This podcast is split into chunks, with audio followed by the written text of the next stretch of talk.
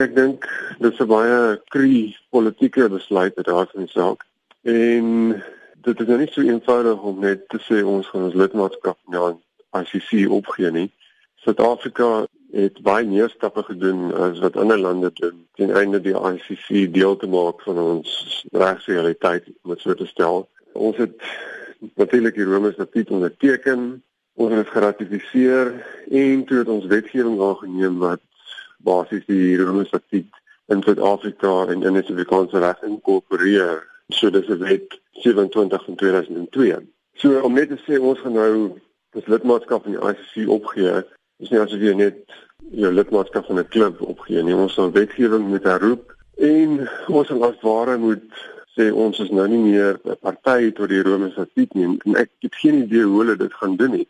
Daar's nie 'n president daarvoor nie. En geen ander staat wat 'n lid is van die van die Rome Statuut het dit nog gedoen nie. So ons moet maar wag en sien hoe hierdie krie politieke besluit nou omgeskakel word in 'n meer gesofistikeerde uh, regsbesluit. Sal ander Afrika lande ook kan onttrek? Wel, ja, dis 'n oop vraag. Persoonlik, ek het redelik kontak met die Afrika Akademiese Gemeenskap wat werk op hierdie terrein. Daar's enerzijds die Afrika Unie se standpunt oor die ICC, dis ja, heeltemal in lyn met met wat Suid-Afrika nou doen. En die Afrika Unie self het ook uh, natuurlik 'n protokol aangeneem om 'n uh, eie internasionale strafhof of 'n regionale strafhof vir Afrika op die teen te bring.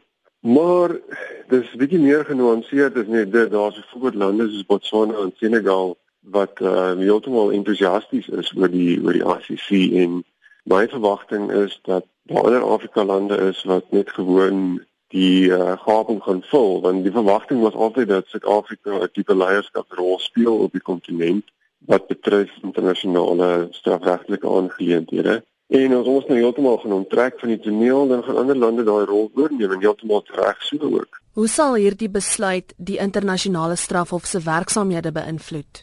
Die internasionale strafhof het nie vir Suid-Afrika nodig om te oorleef nie. Hulle het verlede week is daar aankondiging gemaak dat uh, ondersoek geloods gaan word na die gebeure in Georgië 'n klompie jare gelede.